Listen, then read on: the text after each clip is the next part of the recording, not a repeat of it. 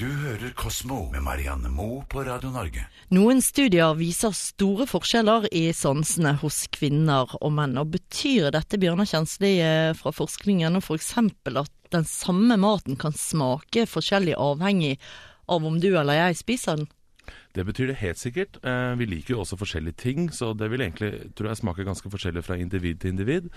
Eh, men det disse studiene viser, er at eh, menn faktisk har litt dårligere smak enn det kvinner har. Så når det kommer til sånne objektive tester, som å smake smaker dette salt eller søtt og sånne ting, så scorer kvinner som regel bedre. Er det grunnen til at f.eks. Nofima sitt sensoriske laboratorium som oftest eller gjerne faller ned på å bruke kvinner til eh, smakstesting? Ja, det er visst det. Det er ganske lite bevissthet rundt det. Det er rett og slett bare blitt sånn. Fordi de, eh, de Når man skal være med i et sånt smakspanel for å finne ut f.eks. er denne fisken for salt, eller smaker dette for søtt, så, så må man gjennom ganske strenge tester for å sjekke om man faktisk uh, har uh, god smakssans. Da. Og da ender man som regel opp med kvinner. Så de har endt opp med et panel med tolv kvinner og ingen menn. Hvordan plukker man egentlig ut uh, såkalte supersansere? Det er objektive tester. Altså det er uh, rett og slett uh, Da må man sikkert ikke røyke og ikke gjøre sånne ting som gjør at smakssansen blir dårlig. Og så må man gjennom tester, og, og, mennesker er ganske forskjellige på dette her. Noen har veldig god smakssans. Sånne vinkritikere og, og, folk som det har jo ofte en velutvikla smakssans. Og man, man, kan også trene seg opp til å få en god smakssans, da. Men, mm. men man må gjennom objektive tester, da. Men er det ikke viktig, eh, jeg tenker spesielt i forhold til forbruksstudier, da, eh, siden menn også eh, skal kjøpe disse produktene her, at man tar inn like mange av hvert kjønn? Jo, det kan man si, men uh, når det brukes bare uh, kvinner i disse studiene, så er det på sånne objektive tester. Sånn uh, er dette for salt, eller, eller noe sånt. Men, men, når det gjelder det om ting smaker godt eller ikke, så må man ta et, et tverrsnitt av befolkningen. Da. Så da man, bør man helst ha både kvinner og menn, og gjerne barn og, og forskjellige aldersgrupper også. Mm. Hvordan er situasjonen når det gjelder andre ting? Ta navigering f.eks. Jeg kan ikke helt se for meg at det sitter et uh, testpanel eh, som er smekkfullt av bare kvinner der. Er det omvendt der, eller? Ja, der er det faktisk omvendt. Så det er studier som viser at menn er bedre til å orientere seg i rom da, eh, i forhold til kvinner. Så, og det kan jo ha noe med evolusjon å gjøre. Eh, det er jo noen forskere som mener at kvinner har bedre utvikla smaks- og luktesans pga. det. Eh, Pga. at de får barn, og at det er, eh, er viktig for de å kunne avgjøre om, om barn er sjuk, sjukt eller ikke, eller om mat er god eller dårlig. Så det kan komme på en måte derfra. Eller eh, i utgangspunktet er et godt catch, for det har, ja. handler vel litt om feromoner det også, ja, før man kommer så langt. Ja, og det har man også funnet ut, at kvinner faktisk kan på en måte, eller er bedre enn menn til det, da, om å lukte eh, om, om, folk er en god match sånn kjemisk eh, til seg selv. Og, så menn har noen styrker, og kvinner har noen styrker, ser det ut som. Men hvordan gjør man det da, jeg tenker på f.eks. For i forhold til navigering, hvis det bare er menn som i utgangspunktet er god på dette som blir testet, vil ikke de resultatene gjøre det litt vanskeligere for oss kvinner å bruke de instrumentene som eventuelt blir laget? Jo, det er helt sikkert sant. Og det er vel noe man, eh, man begynner å finne ut litt mer av nå. At Eh, at man er nødt til å ha med begge kjønn i sånne type tester. fordi ellers så vil det jo bli sånn som kanskje spesielt navigasjon eh, har blitt. Da, at instrumenter og, og sånne ting er fryktelig kompliserte. Og kanskje til og med mer kompliserte da, for kvinner enn de faktisk er for menn. Kan vi si at sånn kjønnsselektiv forskning egentlig er et uh, problem vi ikke har helt tatt for oss og grepet fatt i ennå? Ja, det er forskere som mener det, og det er forskere som mener at, eh, at det er eh, større fysiske forskjeller på menn og kvinner enn det vi, vi tror. Og, og, det kommer stadig fram resultater som tyder på det. og og Det kan gjøre at, uh, at f.eks. Legemidler så, kan funke ganske forskjellig på menn og kvinner. og Det har man jo sett eksempler på også. Dette er ganske, kanskje lite politisk korrekt å forske på dette her når det kommer til mennesker. Det er store forskjeller mellom kjønnene, men det ser ut som det kan være eh, ganske mye større fysiske forskjeller mellom kjønnene enn vi trodde.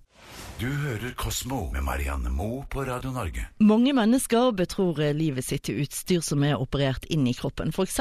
insulinpumper eller pacemakere som skal holde hjerterytmen, men denne type utstyr kan ifølge den amerikanske forskeren Kevin Fu og hans kolleger forstyrres utenfra. Bjørnar Kjensli fra forskning forskning.no. På hvilken måte kan dette skje? Nei, det han eh, Kevin Fu eh, og kollegaene hans demonstrerte for noen år siden, var at de kunne avlytte en eh, pacemaker, eh, bruke signalene fra den pacemakeren til å, å stanse en pacemaker. Eh, en annen pacemaker, altså. Eh, og det er jo rimelig dramatisk. Hvis man kan eh, på en måte hacke en pacemaker, så kan man jo faktisk drepe et menneske. Fins det noen måte man kan beskytte den kommunikasjonen som pacemakeren er avhengig av inni kroppen på? Det er det det nettopp gjør, og det er det han har eh, Altså han, eh, Kevin Fu nå har publisert forskning om. eh, Og det er at eh, alt håp er ikke ute. Vi skal ikke være så redd for at det sitter hacker utafor postkontor og, og hacker seg inn på pacemakere. Eh, Pacemakere er eh, De fungerer ved hjelp av, av, små strømpulser som de eh, gir til hjertet, sånn at, eh, at hjertet skal begynne å slå i sin vanlige rytme igjen. Eh, Men de har også radiosignaler i seg for at de skal gå an å omprogrammere. Um, og disse radiosignalene de er helt åpne, og det er en helt åpen standard. Og det er fordi at, eh, at um, leger og sykehus uh, ikke skal komme over et passord de ikke kan, eller en kryptering de ikke kan. Uh, så det han har funnet ut nå, er en egentlig ganske enkel måte som, som dette kan stoppes på. Det er en slags mellomstasjon som du kan ha i et kjede eller et annet sted på kroppen, som krypterer disse signalene, og samtidig også blokker de ukrypterte radiosignalene som går ut fra pacemakeren, sånn at ingen da kan plukke de opp og, og, og da hacke seg inn på pacemakeren. Men hvorfor er radiosignal i utgangspunktet så viktig? Altså, ja, Hvorfor er- kan de ikke bare droppe å bruke det?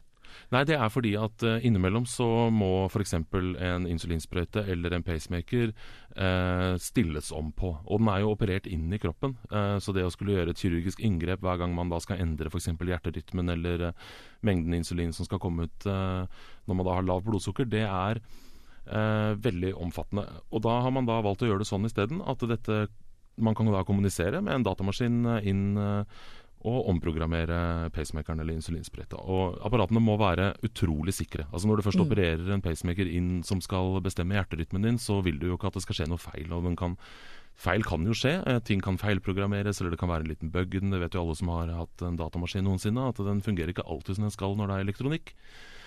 Og eh, da har de valgt å holde dette helt åpent. eh, Og det viser seg jo at det kan være litt skummelt, men sånn må det altså være. da. Ja, Hvorfor må det det? Hvorfor kan man ikke sikre det på samme måte som man sikrer et trådløst nettverk, f.eks.? Nei, fordi da er muligheten for feil rett og slett mye større. Altså Hvis du i tillegg til, eh, til faren for feil ved feilprogrammering også har en fare for feil eh, fordi eh, du ikke klarer å logge deg på pacemakeren din i tilfelle noe skulle skje, så det blir på en måte uholdbart. Da, da, da blir det farlig å bruke. Så kommer du til sykehus, så må legen kunne ha tilgang til dette uten å måtte gå via koder og, og denne type ting. Mm. Nå er altså eh, løsningen her eh, Hvor vanlig tror du det vil bli å, å få et sånt lite halskjede av den typen som eh, FU har lansert her? Det er jeg egentlig usikker på. Er det en ganske lav risiko i det hele tatt for at noen skal kunne kunne på en måte hacke pacemakere, men når en gang en forsker faktisk har publisert hvordan man gjør det, så kan man jo, kan man jo se for seg at det her skal kanskje bli en standard en dag. Det kan, er godt mulig, for det er faktisk ganske usikkert eh, det mange folk går rundt med nå.